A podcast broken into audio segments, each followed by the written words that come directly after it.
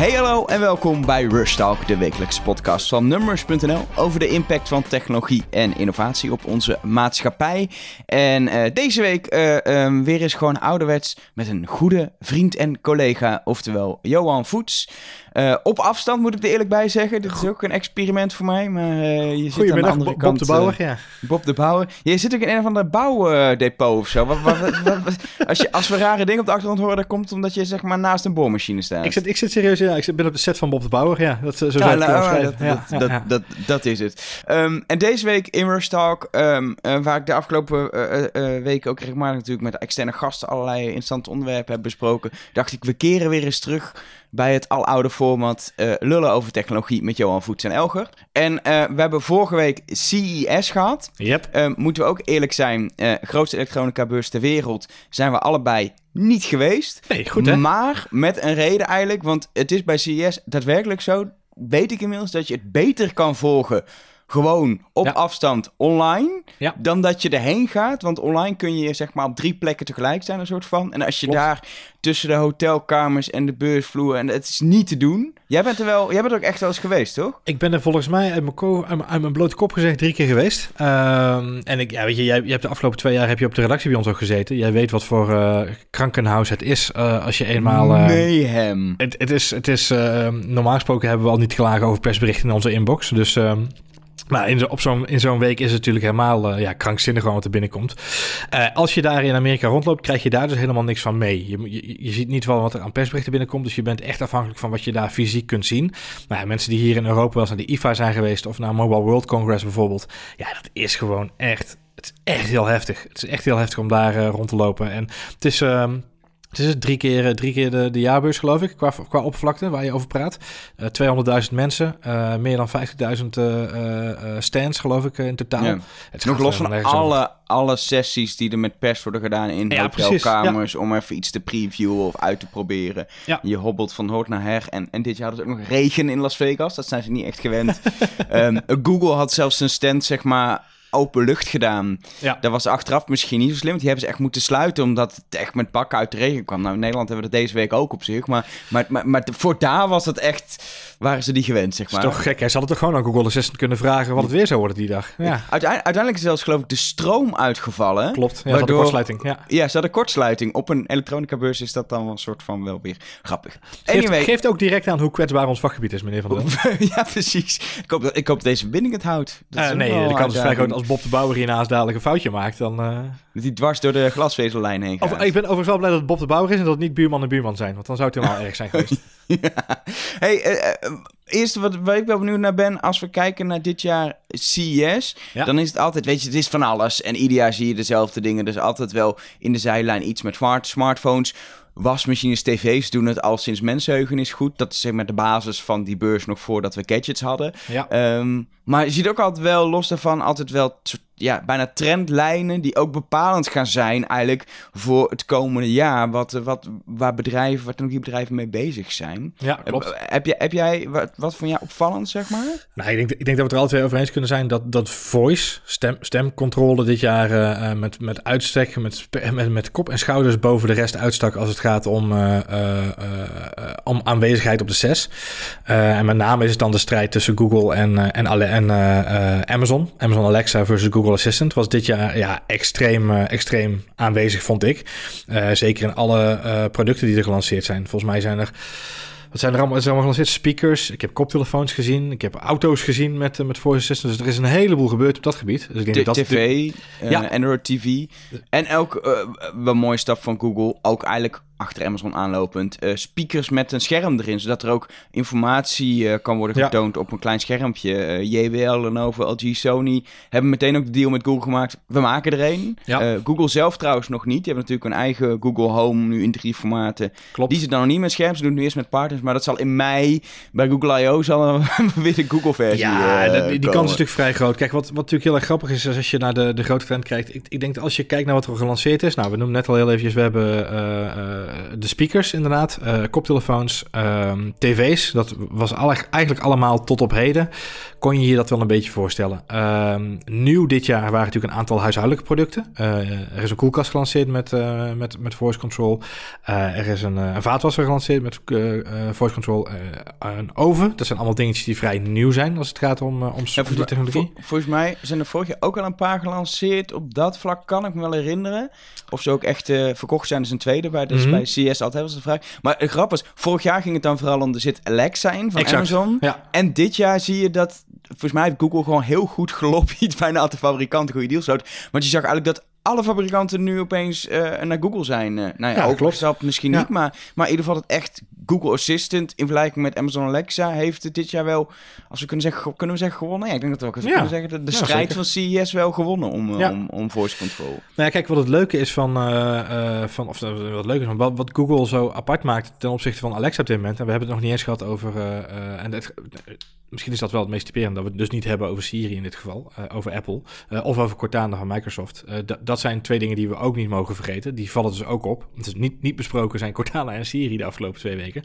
Um, Google heeft één groot voordeel ten opzichte van Alexa en dat is dat ze visueel kunnen. Zij kunnen je daadwerkelijk direct een integratie laten zien van hun mail, van hun uh, calendar en ook van hun maps. Uh, en dat maakt Google op dit moment zo, ja, weet je, wat ik zo sterk vind, is de, vooral de stap naar uh, uh, in auto's. Dus Android Auto wordt nu uitgebreid ja. met Google Assistant. Nou, dat betekent dat ze eigenlijk via dat platform direct in een heleboel grote merken zitten. Uh, Ford, General Motors, uh, Volkswagen, Volvo. Eigenlijk volgens mij het hele Daimler uh, consortium rijdt op onder andere ook op Android Auto het, het, is de meest logische plek voor een voice assistant, de auto. Ja, juist, want omdat je ook altijd alleen zit. Dus je hebt ook niet dat awkward social ding als je op straat loopt. Het is, het is, het is een plek waar je je handen niet kan gebruiken, of tenminste dat liever niet. Nee. Dus het is, het, het, eh, het, het, en het is een plek waar je toch vaak wel informatie nodig hebt, of gewoon naar iets wil luisteren wat je, wat je kan, kan starten. Exact. En ik denk dat dat samen met de huiskamer, dat dat de twee meest logische plekken zijn. Terwijl we zagen dat natuurlijk, zeker met Siri, het is begonnen in de smartphone. En dat openbaar een opdrachtgever vraag stellen aan je telefoon of je smartwatch kan eventueel, is nog steeds socially awkward. Terwijl je merkt dat in een auto of thuis het veel logischer op zijn plek is. En ik, eh, wat ik ook grappig vind, ik heb uh, Amazon Alexa een heel klein beetje kunnen gebruiken. Um, Siri natuurlijk uh, in, mijn, in mijn iPhone, Apple Watch best wel veel. En ik heb nu sinds, uh, denk twee maanden zo'n zo'n Google Home, gewoon die kleine, even uit Amerika ja. gehaald voor de test. -huh. Eh, je merkt daar meteen dat Google erachter zit met hun hele ja, knowledge graph, noemen ze dat. Een hele kennisnetwerk. Mm -hmm. Al die vragen die je op Google in de zoekmachine kan invullen, kun je ook aan die assistant stellen. Ja. En hij weet het antwoord. Dus ook als je zeg maar, ik gooi rode wijn over mijn bank en je vraagt hoe krijg ik een rode wijnvlek uit mijn bank, ja. gaat hij dat werk een stappenplan vertellen. Dat heeft hij gewoon van een website gehaald. Maar die info heeft hij. En Alexa heeft daar al meer moeite mee. Apple heeft daar nog duizendmaal meer moeite mee. En ja. daar wint Google op dit moment gewoon qua, qua functionaliteit echt de wedstrijd. En ook het door kunnen vragen, tweede vraag stellen, ben ik wel onder de indruk van. Los van dat hij ook nog wel eens gewoon uit zichzelf uh, dingen begint te doen en antwoorden niet weet en het me niet verstaat. Weet je, dat blijft een issue. Nou ja, dat is, want, want je hebt een Google Assistant heb je in het Engels nu draaien. Ja, dat is ja, geen Nederlandse... Ja, nee. Of, of weet jij meer, Elke van der Wel, over de aanstaande lancering van Google Assistant in het Nederlands? Ik, ik weet dat ze al ruim een half jaar bezig zijn bij Google ja. in Nederland. En dat ze ook echt, ze hebben echt tekstschrijvers ingehuurd die ook humor, die de grapjes kunnen in het Nederlands kunnen gaan schrijven. Oh, leuk. Humor om dus, te lachen, ja. Ja, humor om te lachen. Dus weet je, 2018, ik, ik heb ook wel eens in mijn, mijn column die ik op zondag publiceer al over gehad. Het, 2018 wordt het jaar dat dit gaat gebeuren. Ja. En ik denk dat het echt dan hard gaat. Als je kijkt nu naar Amerika, um, mensen denken dan, ja, slimme speakers, zeker in Nederland, dat is voor de early adapters, weet je wel. Mm -hmm, de, voor de echte nerds die dan dat gaan doen. 1 op de 6 Amerikanen heeft nu een slimme speaker in ja, huis. 1 op de 6. Ja. Of van Amazon of van Google. Waarschijnlijk, weet je, misschien dat er nog ergens een van de Cortana-speaker in een hoekje staat, maar dat zullen niet veel zijn. Maar 1 op de 6 is ja. gigantisch. Dat is, ja. Daar kun je niet meer spreken over early adapters. Daar heb je echt gewoon een hele grote groep normale mensen te wachten. Het ligt er ook gewoon bij de Best Buy, zeg maar, bij onze, wat bij onze mediamarkt is, liggen dingen en kopen mensen die. Omdat ze ook maar een paar tientjes heb je alleen een huis. En ik denk dat in Nederland dat het net zo snel gaat zodra het hier uh, losgaat, zeg maar. Nou het grootste probleem is inderdaad dat wij, nou, dat, en veel mensen die mij benaderen of jou, dat zul je ook herkennen, denk ik, als je met mensen praat over deze ontwikkeling, is als je het met mensen erover hebt, als je ergens bent en, uh, en je hebt het nog eens een keer over, dan zeggen mensen altijd, ja, maar ik heb het een keer geprobeerd en hij verstaat me niet, of uh, het werkt niet, of ik kan niet de juiste dingen vragen. En wat we echt, waar wij ons niet bij moeten, uh, niet in moeten vergissen, is het feit dat in Amerika, in het Engels, deze spraakassistenten veel verder zijn Met name Ja. ook native Amerikaanse sprekers. Dan heb ik het niet alleen over Brits, maar ook echt vooral native American speakers. Eh, als je kijkt naar, eh, naar hoe dan eh, Amazon en, en Google daar al gebruikt worden. ze verwachten inderdaad voor dit jaar dat de verkoop van slimme speakers met maar liefst 60% zal stijgen. 60% is echt een enorme groei in die markt. Het, het, is, Ehm, het is denk ik bijna sneller dan de smartphone. Bijna, dat is sneller dan de smartphone in het begin is gegroeid. Denk dan heel veel technologie in het verleden. Je ziet Ja. wat altijd over zegt, die technologische adaptie gaat sneller bij succesvolle technologie. En dat is dit weer een voorbeeld van. Het gaat zo snel hoe dat twee jaar geleden had ik nog over Amazon doet iets vaags met een speaker. En in twee jaar tijd, boom. Ja, Is het gewoon, is het gewoon een, een, een, een business waar een zelfstandig bedrijf op ze kunnen draaien. Terwijl het onderdeeltjes zijn van een Google, van een Amazon. Het zijn zelfstandige economieën, zeg maar. Nee, wat, wat het mooie eraan is, is dat ehm, eh, eh, de, de reden waarom het zo snel kan groeien nu is dat je gewoon ziet dat doordat er, is- doordat een API is geworden, kunnen JBL, kunnen men- merken als Lenovo of Jboard of Sony kunnen gebruik maken van die technologie. Ze hoeven er niet meer zelf in te investeren. Je krijgt geen hele grote format wa- wars meer zoals je vroeger had met de DVD plus, DVD min, of R plus en R min, Eh, eh, of de VHS eh, versus wat had je nog meer, Video Max, wat is het ook weer? Weet je, die, die, die format wars zijn, horen bijna tot het verleden als je het over Nee, dit soort dingen hebt. Je hebt natuurlijk een soort van... Het is geen format war meer, maar je hebt nu is het eh, Google versus Amazon. het Alexa is een- versus Assistant war. Ja, maar het is een knowledge war. Het is wie is het verste Ja. in zijn technologie. En in dat geval is, in, in, dit, in dit opzicht is het heel grappig om te zien dat dit een soort van level playing field is geworden. Ehm, overigens, wat ik ook wel grappig vond, en ik weet niet of jij dat ook meegekregen hebt, want ik zag eh, eh, eh, natuurlijk, we zagen natuurlijk weer een plethora aan, eh, aan leuke nieuwe technologie ook op tv-gebied voorbij komen. Eh, wat, wat ik niet wilde vergeten was de, de zogenaamde smart displays. Heb je die allemaal meegekregen? De smart displays. Ja, Maar ja, dan, dan bedoel je niet die spraakassistenten met een, met een schermpje, of wel? Ja, ja, ja, dat is het verhaal Oh, inderdaad. Nou ja, in de zin van, je hebt speakers met, met schermpjes inderdaad. Ja. Maar wat ze dus ook gaan lanceren zijn een soort tablets. Eh, eh, en vooral Google is daar heel hard aan het pushen. En ze gaan het onder andere samen met Lenovo gaan ze er een, eh, een aantal Ja. uitbrengen. Ehm, het zijn kleine tablets die eigenlijk alleen bedoeld zijn als controller voor je smart home. Ja. Eh, dus eh, je kunt er helemaal niks mee. Je kunt er geen apps voor installeren. Je kunt er niet op internetten. Je kunt er eigenlijk helemaal niks mee. Het is eigenlijk gewoon een veredelde afstandsbediening. Eh, alleen het is een, het is een, een, een, een smart assistant-enabled afstandsbediening. Dus je kunt hem met Ja. voice bedienen en eventueel met touch. En het enige wat die heeft als, als rol is binnen je smart home ja, zorgen dat je dingen kunt doen. Ik moet heel eerlijk zeggen, voor iemand die, die redelijk fan is van, van het smart home eh, principe, is dat wel iets wat ik op dit moment een beetje mis. Een centrale controle unit. Want ja. Ja. dat is nu vaak bij iedereen op zijn smartphone individueel ingeregeld. Eh, het liefst zou je toch ergens nog een centrale knop hebben, om het zo maar even te zeggen.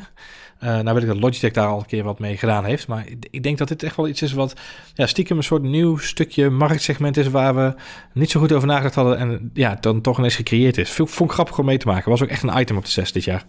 Ja, ik zeg zelfs ook nog, nou, eh, wat dat betreft, heel ander soort, soort vormen van afstandsbedieningen. Ehm, ik, ben, ik ben even, moet ik eerlijk zeggen, de fabrikant vergeten. Eh, maar het is een fabrikant die ook die, die, die lichtpanelen heeft die in een soort driehoekjes aan de muur kan hangen. Ah, Ehm, die hebben nu een, een soort dobbelsteen voor je smart home. Daar kun je Ja. zeg maar bepaalde instellingen doen van hoe het licht of, of, of, of hoe je verwarming, eh, et cetera, staat. En je legt hem gewoon op de juiste kant met een soort voorgeprogrammeerd programma. En dan wil je dus het licht wat dimmen, dan leg je hem even op een andere kant, die dobbelsteen, en dan past Ja. hij het aan. Waardoor je helemaal niet bezig bent met, met, met praten of met een scherm indrukken. Je legt Nee. gewoon dat ding op een bepaalde kant en op basis Ja. daarvan past hij de settings van je huis aan. Voor weer compleet andere benadering waarbij je het eigenlijk heel analoog voelt. Klopt. Ehm, en je zou zelfs een doppelspelletje van kunnen maken waarbij eh, welke kleur krijg ik mijn richten als ik nu ja, gooi. exact. Ja, Ehm, zeg- maar dat, dat vind ik echt wel, eh, weet je, de- op alle vlakken wordt daarmee geëxperimenteerd. En uiteindelijk overleven natuurlijk twee, drie, vier van die dingen en de rest mislukt. Ja, dit soort, Ehm, dingen, dit soort dingen vallen in de categorie eh, nice to have. En misschien dat het idee ervan, precies jij zegt, het gedachtegoed van iets anders benaderen, dat dat eh, eh, misschien ergens een, een, een zaadje plant bij iemand in zijn hoofd, die ervoor zorgt dat het wel groot wordt. Het zijn natuurlijk hele, hele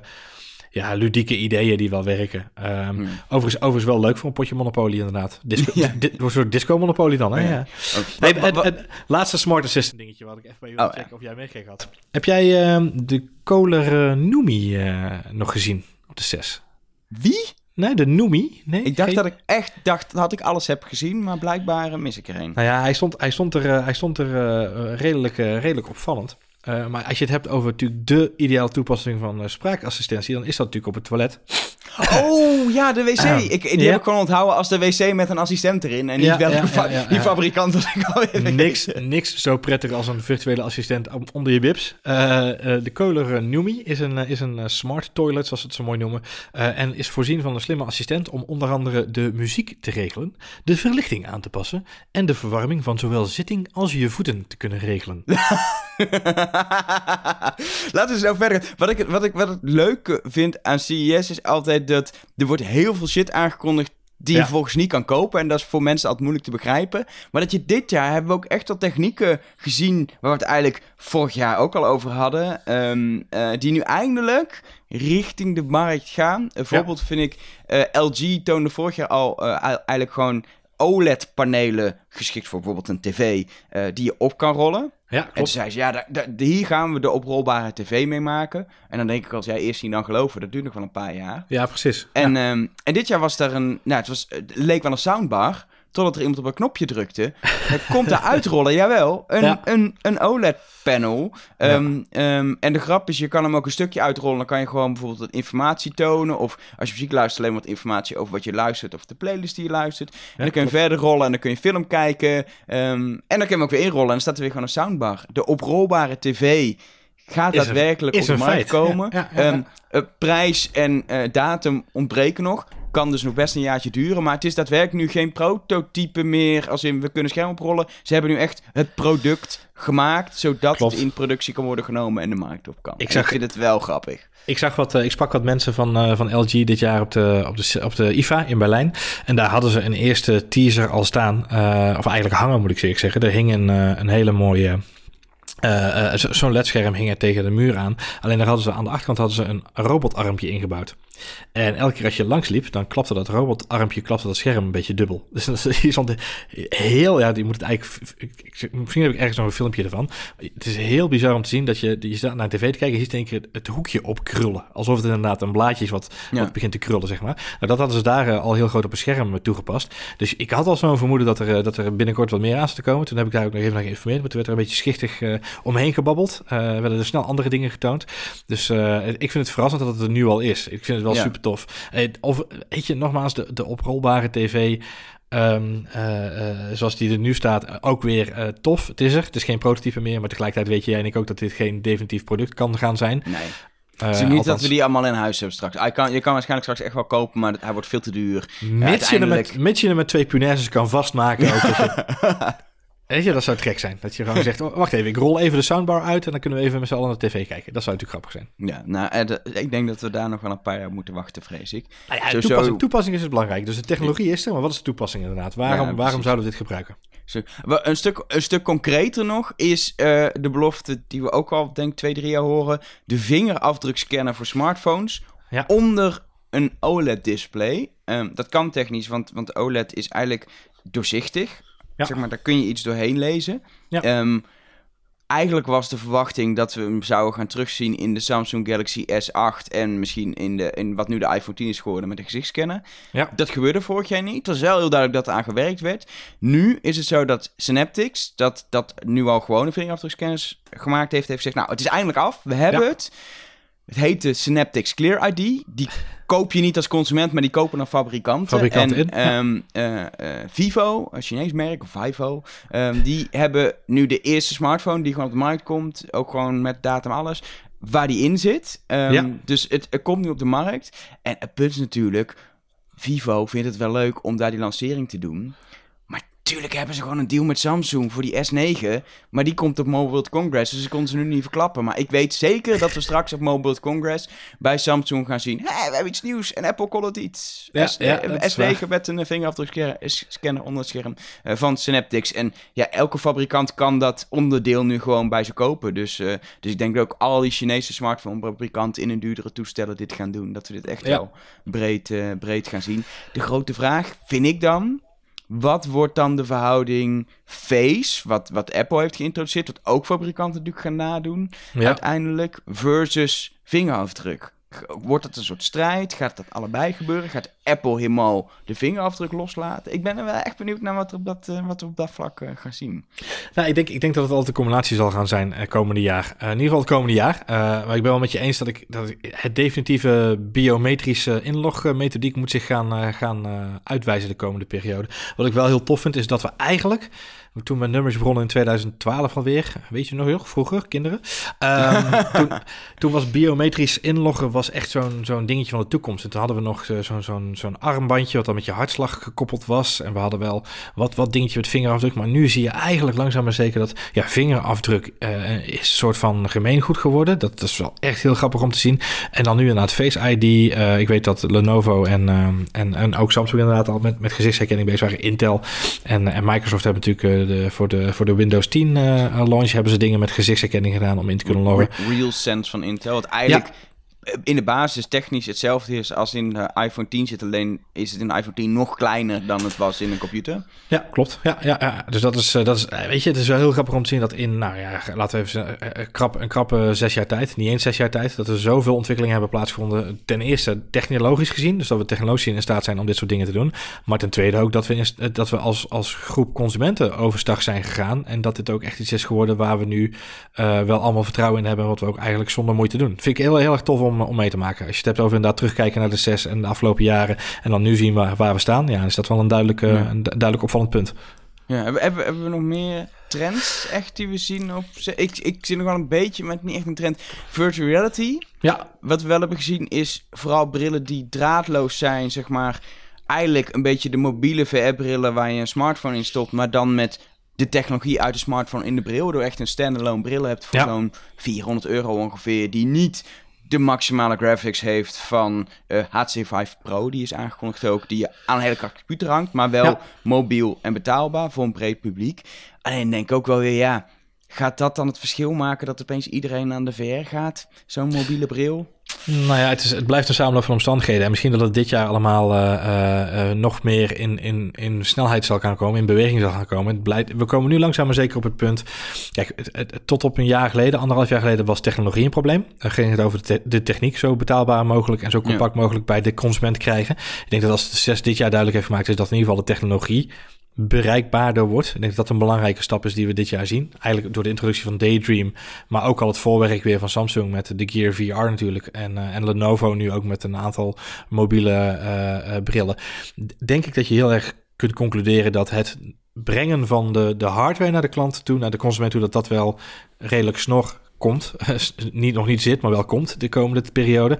Uh, we, de prijs zakt nu langzaam maar zeker van, uh, van, van 1000 euro naar 500 euro naar, nou ja goed, eh, AR en VR brillen van rond de 200 tot 300 euro met kwalitatief gewoon goede, goede specs. Um, en dus we komen nu langzaam maar zeker op het oude, ouderwetse strijdsveld van uh, content versus hardware. Ja. Uh, en de content moet er zijn om het een succes te kunnen laten worden. Um, en op dit moment is dat natuurlijk nog heel erg moeilijk voor de meeste consumenten om, om in te schakelen. Dus daarom vind ik het op de 6 ook heel grappig om te zien dat het daar zo'n wel een trend was. Veel brillen, veel aankondigingen. Ja. Maar ik weet nog steeds nog niet zo goed hoe ik het voor de consumentenmarkt moet inschatten. Ik zie het wel langzaam maar zeker in de entertainmentwereld en in de op onderwijs en dat soort dingen waar we het vaak over gehad hebben. En nieuwe, nieuwe trend die een beetje los aan het komen is. VR fitness. Ja, heb je nou dat ja. meegekregen? Ja, ik voel me virtueel al jaren heel erg fit. nee, uh, uh, Blackbox VR die heeft een, uh, een, een concept gepresenteerd wat echt in een sportschool eigenlijk moet gaan gebeuren. Natuurlijk als eerst in San Francisco, maar dat moet dan eerst de rest van Amerika en Azië zal het ook al gaan doen. En dan een keer Europa. eigenlijk heel simpel, je doet een, je doet een HC Vive op. En je hebt gewoon wel fitnessapparatuur die je gewoon zo vast kan pakken in je handen en in je benen en toestanden. Maar je ziet ondertussen virtuele wereld, waardoor je eigenlijk een soort game speelt. Maar dan wel echt fitness en niet zoals zeg maar thuis vroeger met de Wii uh, Fit dat je stond te springen, maar echt met gewicht, met kracht. Je, echt, je bent echt aan het fitnessen in een sportschool. Ja. Maar het, het wordt gamified door virtuality toe te voegen.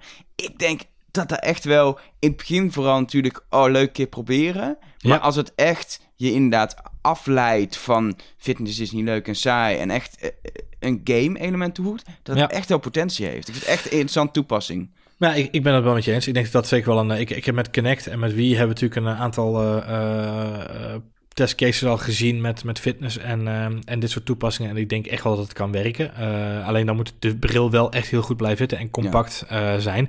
Uh, bijvoorbeeld nu ehm, wat en, recent... en als je zweet, moet hij nog een beetje lekker op je hoofd blijven zitten. Wat Ook echt dat wel een issue ja, wordt. Zeker, zeker. Ja, sowieso denk ik dat voor een hele hoop mensen een issue zal zijn om zo actief te bewegen in een virtuele omgeving. Het duizeligheidseffect of het, het misselijkheidseffect is nog steeds een, een, een, issue wat nog niet getackled is door, door een fabrikant. Dus er zijn nog steeds mensen die er draaierig van zullen worden. Dus je zult daar ook heel goed mee om moeten, moeten gaan. Wat, uh, en goed, wat mij gewoon heel erg uh, bijstaat als het meest recente voorbeeld is de Lenovo Jedi Experience, die natuurlijk uitgekomen is in december in Nederland. Ja. Um, um, wat een fantastische experience is om te doen. Hij is echt heel leuk en hij is echt heel tof. Alleen wat je wel merkt is als dat, en ik had trouwens hetzelfde met de PlayStation VR, als de bril niet goed vastzit, ja. dan ben je meer, dan ben je te veel afgeleid door de bril dan dat je ermee bezig bent om hem echt um, uh, om er echt een toffe experience van te hebben, zeg maar. Ja. Dus dat is wel iets waar je voor moet, moet waken, denk ik, als, uh, uh, als fabrikant. Die brillen moeten dan wel gewoon echt goed zitten om dit echt een knallend succes te maken. Ja. Ik vind het wel een tof ding. Ja, heb, je, heb jij nog een laatste trend die we even snel uh, mee nou, pakken? Even, even, snel kort en bondig is ook dit jaar, het, wat vorig, vorig jaar al een item was, uh, uh, dit jaar nog meer, is vervoer. zelfrijdende auto's, elektrische auto's. Veel autofabrikanten weer te vinden op, op de CES. Niet alleen om die infotainment systemen aan te kondigen met, met Apple en met Android en met al die hippe gadgets. Maar we zagen ook weer de, de aankondiging van een hoop nieuwe auto's. De meest opvallende was de, een uh, Chinese fabrikant die uh, uh, Byton gelanceerd heeft. en dat is eigenlijk een ja, soort concept car. Die ziet echt heel futuristisch uit. dus Google daar zeker even naar. Ik heb, of ik stuur je even een linkje voor in de, voor in de, voor in de show notes. de, de, de Byton, zelfs elektrische auto, is echt een fantastisch apparaat om te zien. Ik vond het heel erg grappig om te zien dat, dat, dus, ja, dat eigenlijk langzaam maar zeker de auto ook consumer electronic wordt. In plaats van ja. ja een motorshow. Z zien we inderdaad al jaren, maar het is wel echt opvallend. De Ford stond ook weer met aankomst aankondigen in dingen. Wat, ik, wat ik wel opvallend vond aan die Byton, is dat die zeg maar in 2019 zou die dan al er moeten zijn. Dat is zeg maar volgend jaar. 2019 klinkt ver weg, maar we zijn inmiddels 2018. Ja. Um, en hij heeft dan wel 5G en zo, maar die, netwerken zijn nog helemaal niet klaar. Dus het nee, is, dat zijn uh, mooie dingen inderdaad, ja. ja. Dus ik ben heel benieuwd uh, of ze daadwerkelijk in 2019 gaan halen. Ik denk wat dat betreft dat het een klein beetje opscheppen was. Maar ik ben wel benieuwd. Uh, auto-startups, tot nu toe eigenlijk de enige die echt, ja, die we toch al een soort van auto-startup kunnen noemen, die echt doorgebroken is, Tesla. Ja. Maar we zitten nog steeds wel met, met dit soort bedrijven waar, waar we veel zien dat het uiteindelijk veel moeilijker is om dat werk een auto te bouwen op de markt te brengen. Maar ik denk nou, wel ja, dat we nu richting het punt gaan. Ik bedoel, Faraday was twee jaar geleden een hele grote uh, aankondiging. Was natuurlijk veel uh, Faraday Friday. Uh, was natuurlijk een heleboel om te doen. dat was echt wel heel spannend en is voor de consumentenmarkt tegenvallen. Maar vergis je niet, die zijn nog steeds heel groot sponsor in de Formule E onder andere. Ja. is nog steeds een, een, een lopend auto-startup. En er zijn een heleboel kleine startups in Amerika vooral die gewoon best wel veel investeringen ophalen, maar die voor ons oog verborgen zijn. Ja. En dat, weet je, aan de ene kant staat ook wel gewoon positief, want die kunnen ze gewoon lekker ontwikkelen. In de praktijk zie je ook dat die startups uiteindelijk worden overgenomen door een van de grote autofabrikanten. Die gewoon techniek binnenhalen door startups over te nemen. Dat, zie je ook, dat zie je ook in Europa gebeuren. Dat als jij een autostartup uh, begint en iets met zelfrijdende technologie doet, dan weet je dat er binnen zeg maar korte tijd een Duitse autofabrikant of een Franse autofabrikant uh, bij, ja. bij je aanklopt en zegt: uh, hoeveel kost het? Ja. Dat is gewoon de praktijk. Dat je, dat je als start-up zelf beter gewoon hele goede technologie kan focussen. Dan denken: we gaan een auto bouwen en zelfstandig op de markt brengen. Dan moet je wel echt een gekkie als Elon Musk zijn, zeg maar. Ja. je kan beter gewoon techniek ontwikkelen en overgenomen worden. Denk ik gewoon puur, puur economisch zien als, als exact, exact. Nou ja, zeker, zeker. Zeker in de huidige klimaat is het niet meer... kijk, wat Tesla gedaan heeft. laten we niet vergissen dat Elon Musk ook gewoon een autobedrijf gekocht heeft en het verder ja. uitgebouwd. uh, want hij heeft natuurlijk niet zelf bedacht, het hele, het hele platform. Maar wat, wat, wat, de tijd dat Tesla gestart is, die tijd ligt achter ons, omdat nu intussen wel de autofabrikanten wakker zijn. Uh, uh, dat waren ze pak een beetje vijf, zes jaar geleden nog niet zo zoals ze nu, dat nu wel zijn. Dus ja, weet je, nu helemaal van de grond af aan een nieuwe auto bouwen. Het was altijd al schier onmogelijk. Ja, maar nu is het helemaal een, een heftig verhaal, omdat ze natuurlijk wel... ja, wakker zijn. Ze zijn, aan, ze zijn aan boord, zeg maar. Ja, en ik ben heel benieuwd wat we, wat we dat betreft van zo'n Byton gaan zien. En wat we ook ja, komend jaar weer voor verrassingen soms gaan zien. Want je weet gewoon niet uit welke hoek het uh, wat dat betreft gaat komen. Het belooft weer een mooi jaar te worden, meneer Dat sowieso. Even tot slot, vind ik nog wel leuk. Um, heb, heb, heb jij een ding gezien waarvan je denkt... Nou, dit vind ik gewoon... Dit was een beetje een verrassing. Dit is gewoon leuk. Dit wil ik wel hebben. Nou, wij, wij waren eensgezind hè, in, de, in de show notes. Ja, we eh, hebben het vooraf. natuurlijk al voor. Ik denk we doen Ja. het een soort van spontaan, maar we Nee, hebben het helemaal op. voorbereid. Iedereen weet Ehm, dat dit gewoon script is. Ik lees dit ja. gewoon voor nu. Ja, precies. Nee, we, we hadden allebei Oh, wacht hetzelfde. even. Ik moet kuchen. Sorry, stond in het script. Ja, dat stond het script, ja. Dan moet, oh, de- deze zou ik er niet uitknippen, deze inderdaad. Ehm, maar we hadden allebei hetzelfde, namelijk Aibo eh, Ja. van Sony, robothond. Die kennen we al lang, maar Mhm. hij is helemaal nieuw. Hij heeft nu Ja. een camera, hij herkent je. Dus hij gaat ook een band met je ophouden door gezichtscan, dat hij echt weet dat je het bent. Hij kan botjes oppakken, eh, hij, heeft- je hij kan, heeft- hij kan spelen, Hij heeft OLED-ogen. OLED-ogen. Het Hij is heeft gewoon... ingebouwde camera's. Hij heeft een 4G en een 5G-verbinding. Ook, Ja. ook Aibo heeft al een 5G-verbinding, Elke. Wij zitten er nog op te wachten. Ja, maar... ja. Het is, het, is, nou, het punt, het is gewoon speelgoed. En uiteindelijk veel te duur speelgoed. Maar het is wel, het is, het is gewoon, het is gewoon Het viel zo mij leuk. nog mee, moet ik eerlijk zeggen. Ja, true. Om, omgerekend komt hij op 1700 dollar, volgens mij. ja. Maar ja, Eh. daar- voor, voor, voor speelgoed. Nou ja, maar het is, kijk, kijk eens naar ehm, eh, eh, eenzaamheidsproblemen waar we mee te maken hebben Ja. in de wereld. Eh, en, en stel eens dat, ehm, ik bedoel, het is twee, hij kan twee, drie uur mee op een volle batterij. Maar dat hij elke dag twee, drie uur kan spelen met een eenzame eh, persoon ergens, dat zou het gek zijn. Weet je, het is, het is, ik zag de video en toen dacht ik, in eerste instantie toen ik het las, toen dacht ik, oh mijn hemel, iBo's weer terug. En dat was al niet zo'n heel best ding, zeg maar. Maar als je er nu de video bekijkt, ze hebben echt hun best gedaan om eh, hem speelser te maken. Het is overduidelijker wel een, een... Het is minder gericht op, kijk, ons is een, een robothond gebouwd hebben. Dat was natuurlijk bij de eerste versie van Aibo wel zo. Dat was over, we maken een futuristische hondvorm, om zo maar even te zeggen. Als dit, als dit ding van volledig plastic zou zijn en geen OLED-oog zou hebben... en er zou Fisher-prijs op staan, zou je het ook geloven. Ja. Eh, zo ziet hij eruit qua, qua gezicht en qua, qua hoe die eh, vormgegeven is. Maar technologisch gezien hebben ze er best wel een mooi, mooi stukje techniek van gemaakt. Ja, de, alle, alle, alle kunstmatige intelligentie die ongeveer nu in een consumentenproduct zou kunnen stoppen, zit erin, denk ik. Dat, dat is wat ze zelf zeggen inderdaad, ja. Dus dat, kijk, als hij slimmer is dan, dan een echte hond, dan vind ik het echt leuk worden, ja. Ja, ja, precies. En dan eh, eh, het dieptepunt. Nee, ook hierin waren we eensgezind, maar ik vond het echt verschrikkelijk om te zien dat Razer met Project Linda kwam. Ehm, eh, in Alleen de naam al. Ja, precies. Hallo, Project Linda. Ehm, even heel simpel zeggen, want jij hebt het wel mooi omschreven in de show notes, vond ik. Het is een, het is een, een laptop case voor je smartphone. Of eigenlijk Ja. andersom, een smartphone die je in je laptop case kan doen. En dit hebben we al, Acer heeft dit al een keer gedaan, jaren Ja. geleden. Ehm, het idee dat je een smartphone gaat omtoveren in een laptop. Microsoft heeft ook met Windows geprobeerd, dat je dat je, dat je, je smartphone in een dock kan zetten en dan wordt het een desktop. Ja.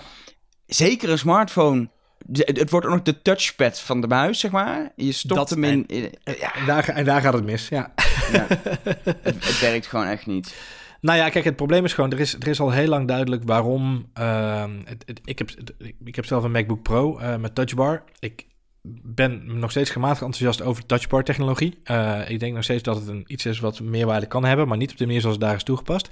Ik ben nog steeds een groot fan van de, van de stap om laptops te gaan maken op basis van een smartphone technologie. Ik bedoel, die iPhone 10 is krachtiger dan een MacBook Air. Dus waarom zou je die niet in een case kunnen schuiven en hem dan kunnen gebruiken als laptop? Dat zou, dat, weet je, dat is logisch in die zin dat het zou, het zou eh, eh, eh, de hele workflow versimpelen, om zo maar even te zeggen. Ja. Dus ik geloof daar nog steeds in. Alleen de combinatie van OLED als bedieningspaneel en als touchpad, wat, wat ook gewoon heel gematigd werkt. Ja, dat is natuurlijk gewoon huilen met de pet op onderaan de En, streep. en uiteindelijk, met alle respect, Android is fantastisch. Mm. Maar het is, het, het is geen laptop-besturingssysteem. Uiteindelijk. Mm, Nou ja, heb ik helaas te weinig ervaring voor, zeg ik heel politiek correct, om, eh, om dat te beoordelen. ik, nee, maar goed, wij hebben op de redactie wel een Chromebook nu ook rondzweven. Dat, dat vind ik best wel goed werken. Eh, is, is er best wel een compleet OS. Ehm, eh, kijk, de allereerste Samsung tablets waren inderdaad Android voor de telefoon, alleen dan op een heel groot scherm. Ja, dat werkt ook voor geen meter. Dus ik denk, maar, maar aan de andere kant, Android is wel open source genoeg om er genoeg mee te kunnen doen, om er een laptop OS van te kunnen maken.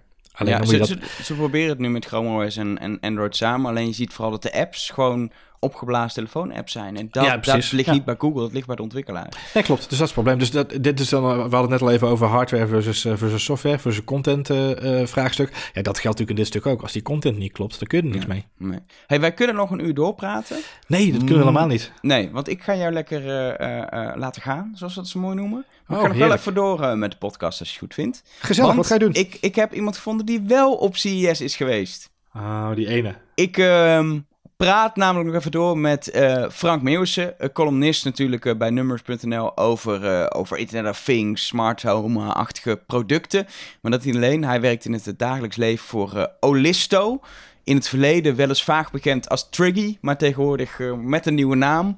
eigenlijk de nieuwe naam ook gelanceerd op de CES in Las Vegas. Frank, welkom. Dankjewel. Uh, ja, jij was op CES om eigenlijk uh, ja, Olisto als naam te lanceren en, en jullie product, jullie app te laten zien aan het, aan het publiek, toch? Ja, klopt. Ja, we hadden inderdaad uh, we hadden eigenlijk een paar doelen om naar de CES te gaan als, uh, als Olisto. eigenlijk het belangrijkste doel wat we daar hadden, had inderdaad met die naamswijziging te maken, maar ook voor ons wel om nieuwe businesspartners te vinden om bij de app aan te sluiten. En er waren wat afspraken met de investeerders. Ja, um, en, en dan ben ik heel benieuwd, en daarom heb ik je even snel uh, erbij gehaald via, via Skype in, uh, in deze podcast.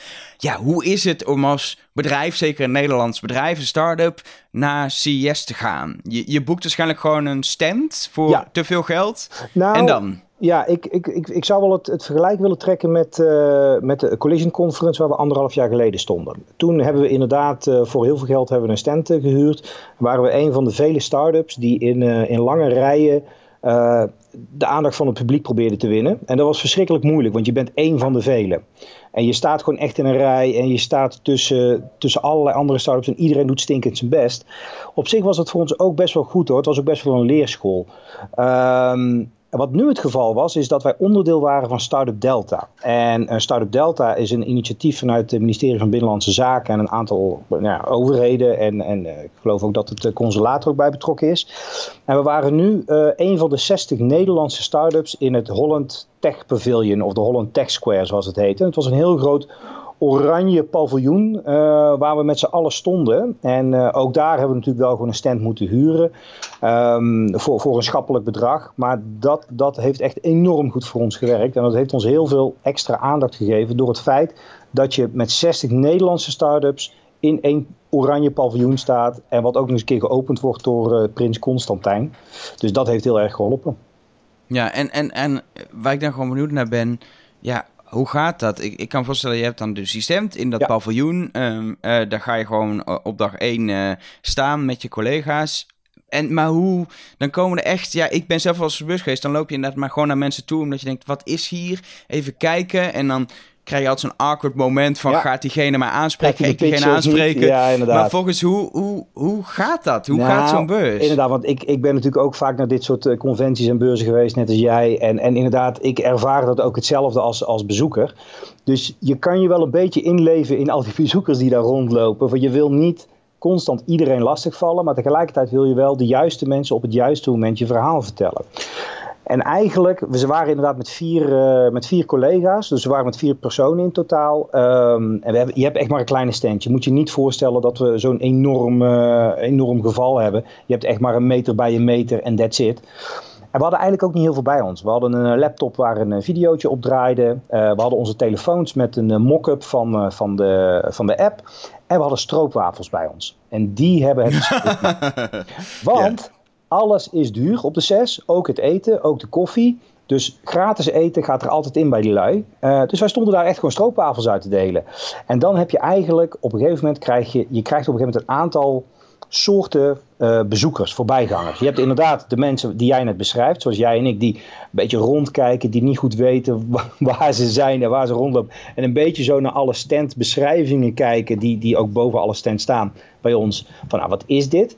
Nou, dan, dan probeer je een beetje in te schatten, ook op basis van wat je op de, uh, op de lanyard ziet staan. Van, nou, weet je, ga ik die persoon aanspreken of niet? En soms spreken ze je ook zelf aan.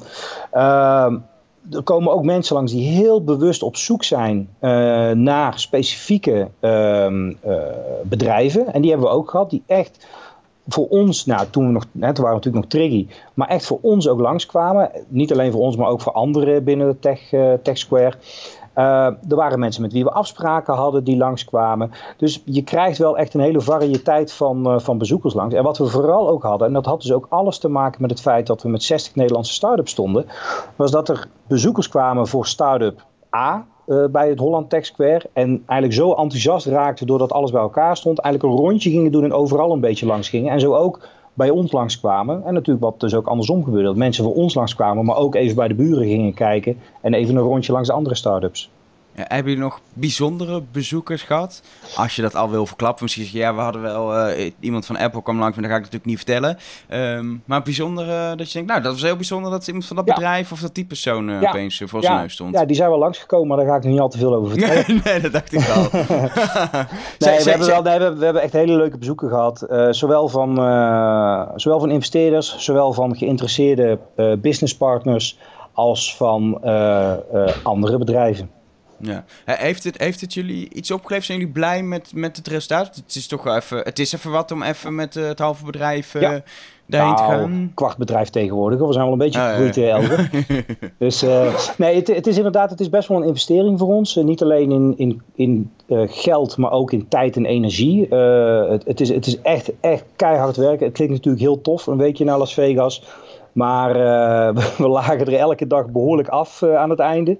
Ehm, en ja, we zijn er, we zijn er echt unaniem. Ik, ik, ik krijg bijna een Ivonie momentje. We zijn er, uh, wat is het, unaniem belachelijk enthousiast over. Uh, dat, um, het heeft ons echt heel veel opgeleverd. Het heeft ons weer heel veel kennis van de markt gegeven. Het heeft ons ingangen gegeven bij, uh, bij bedrijven. ook natuurlijk contacten met andere start-ups. en dat, dat, ja, dus wat dat betreft zijn, zijn we er echt, echt heel tevreden over de manier waarop het is gelopen. En hebben wij onze doelen in ieder geval uh, voor nu wel gehaald, ja. Is het ook voor jullie dan zo, want je veel hoort dat CS is de belangrijkste slash grootste elektronica beurs ter wereld. Zien jullie dat ook zo? Was dit gewoon, dit, dit is het belangrijkste om hier te staan met onze, met onze, met onze dienst? Op, op dit moment, voor, voor de, hetgeen wat wij voor, als doel hebben gesteld voor 2018 en verder, was dit wel uh, echt wel de beurs waar we moesten zijn inderdaad. Ja. ja. dat klopt. En nogmaals, niet alleen om er zelf te staan. Het feit dat we er zelf stonden was voor ons ook direct een ingang om ook uh, rond, gewoon echt een rondje te doen langs al die andere partijen die er zijn. Uh, er waren echt ook uh, mijn, mijn, collega's met, met lijstjes gewoon langs. Oké, okay, we moeten nu naar die en nu gaan we naar die en nu gaan we die. Ook vooral om de contacten die we probeerden te krijgen, om die nog gewoon directer te hebben en uh, scherper, uh, ja, directer aan te halen. Heb je nog iets tofs gezien? Want je hebt natuurlijk veel in je eigen stand gestaan. Nou ja, maar ik, verder... heb, ik heb heel veel in mijn eigen stand gestaan. En ik heb eerlijk gezegd heel weinig van de, van de beurs zelf gezien. Ik, ik heb heel veel toffe dingen gezien. Maar ik wil er één ding echt wel uithalen. En dat is vooral omdat het ook een Nederlands product is. En het waren onze buren. Uh, dat is Mind Effect. Uh, uh, Mind A-F-F-E-C-T. Ik zal het wel in de show notes zetten. Als die bij deze podcast eigenlijk zitten. Ja, die mooi. erbij. en dat, die zijn met een product bezig wat pas in september op de markt komt. Dat is een brain-computer interface. het is eigenlijk een soort, soort ja, apparaatje wat je dus achter op je hoofd zet. Een soort, soort petje. Nou, het is geen petje, maar zo'n ding. En wat zij doen, ze gaan nu aan de slag met ALS-patiënten, uh, locked-in patiënten zoals ze dat noemen. En uh, die kunnen dus uh, niet meer spreken, maar die kunnen, nog, hè, die kunnen ook niet meer bewegen en zo. Um, maar wat, die dus, wat ze dus hebben gemaakt is een iPad met een toetsenbord waarop elke toets een, een, een verschillend knipperpatroon heeft, elke letter. En door dus te kijken naar een letter kan dat knipperpatroon opgevangen worden aan de achterkant van je, van je hersenen, waar dus dat apparaatje zit. En dat kan dus uh, uh, vertaald worden naar daadwerkelijk letters. Dus je kunt dus uh, typen door naar letters te gaan kijken. en en dat, daar hebben we een paar demo's van gezien. Die gasten hadden het heel slim gedaan. Die hadden elke dag om drie uur één demo. Dus die maakten ook echt de bezoekers hongerig om het echt live te zien. En dat, daar hebben we behoorlijk, wat, behoorlijk vaak wat, wat monden open zien vallen. Uh, waar mensen ook dachten ja, dit is gescript, weet je wel. Je typt nu wel CES Las Vegas, maar dat is gewoon allemaal gescript. Typ maar eens het woord uh, quartz, hè, met een Q en een Z en dat soort dingen. En nou, oké, prima, doen we dat. En uh, nou, de, de, monden vielen open daar. Dus dat was heel bijzonder om te zien. En we hebben het ook een demo van hen ook gezien Waarmee dus ook uh, door naar een kleur te kijken een Philips Hue-lamp uh, van kleur konden veranderen. Dus je kunt je voorstellen dat ook deze technologie ook binnen smart homes en zo uh, zeker wel een toepassing kan vinden. Oh wauw, dat, daar kunnen jullie weer leuk mee koppelen met, met jullie app. Ja, nou ja, maar, nou ja we waren duur, ja, dus nee. Het is al geregeld, begrijp ik. Ja. Hey Frank, superleuk om even, even te horen. Ja, jet... heel leuk om even te vertellen. Ja, jetlag inmiddels verdwenen? Nee, Helemaal? Ja, die helemaal geen last van Helemaal geen last van gehad. Dat is Gewoon- scheelt gewoon doorgaan. Gewoon doorgaan. Hey Frank, dankjewel. Ja, oké, groetjes. En daarmee eh, komt er een einde aan deze editie van Rush Talk. Eh, volgende week natuurlijk gewoon weer een nieuwe editie. Ehm, heb je wat te melden, wat te reageren, dan kan het altijd eh, naar mij, Elger. Je kan het ook naar Frank doen, Frank Meeuwissen, of naar Johan via Johan Voets. En eh, je kan ook altijd gewoon via Numrush of onze Facebookpagina, kun je ook altijd een bericht sturen als je gewoon eh, iets, eh, iets kwijt wil. Vond je dit nou een leuke podcast? Vond je de eerdere aflevering ook leuk? En denk je, nou, ik wil jullie wel een beetje steunen. Daar hoef je helemaal niet te betalen of zo. Het enige wat je even moet doen, is in de podcast-app van Apple of in eh, iTunes, lekker ouderwets, even een review achterlaten. Kan gewoon een aantal sterren, bijvoorbeeld vijf. Is een kleine, kleine hint. Eh, of ook zelfs in tekst kun je een review achterlaten. Ehm, dat helpt weer om meer mensen kennis te laten maken met Rush Talk. Voor nu stop ik met praten en zeg ik tot volgende week.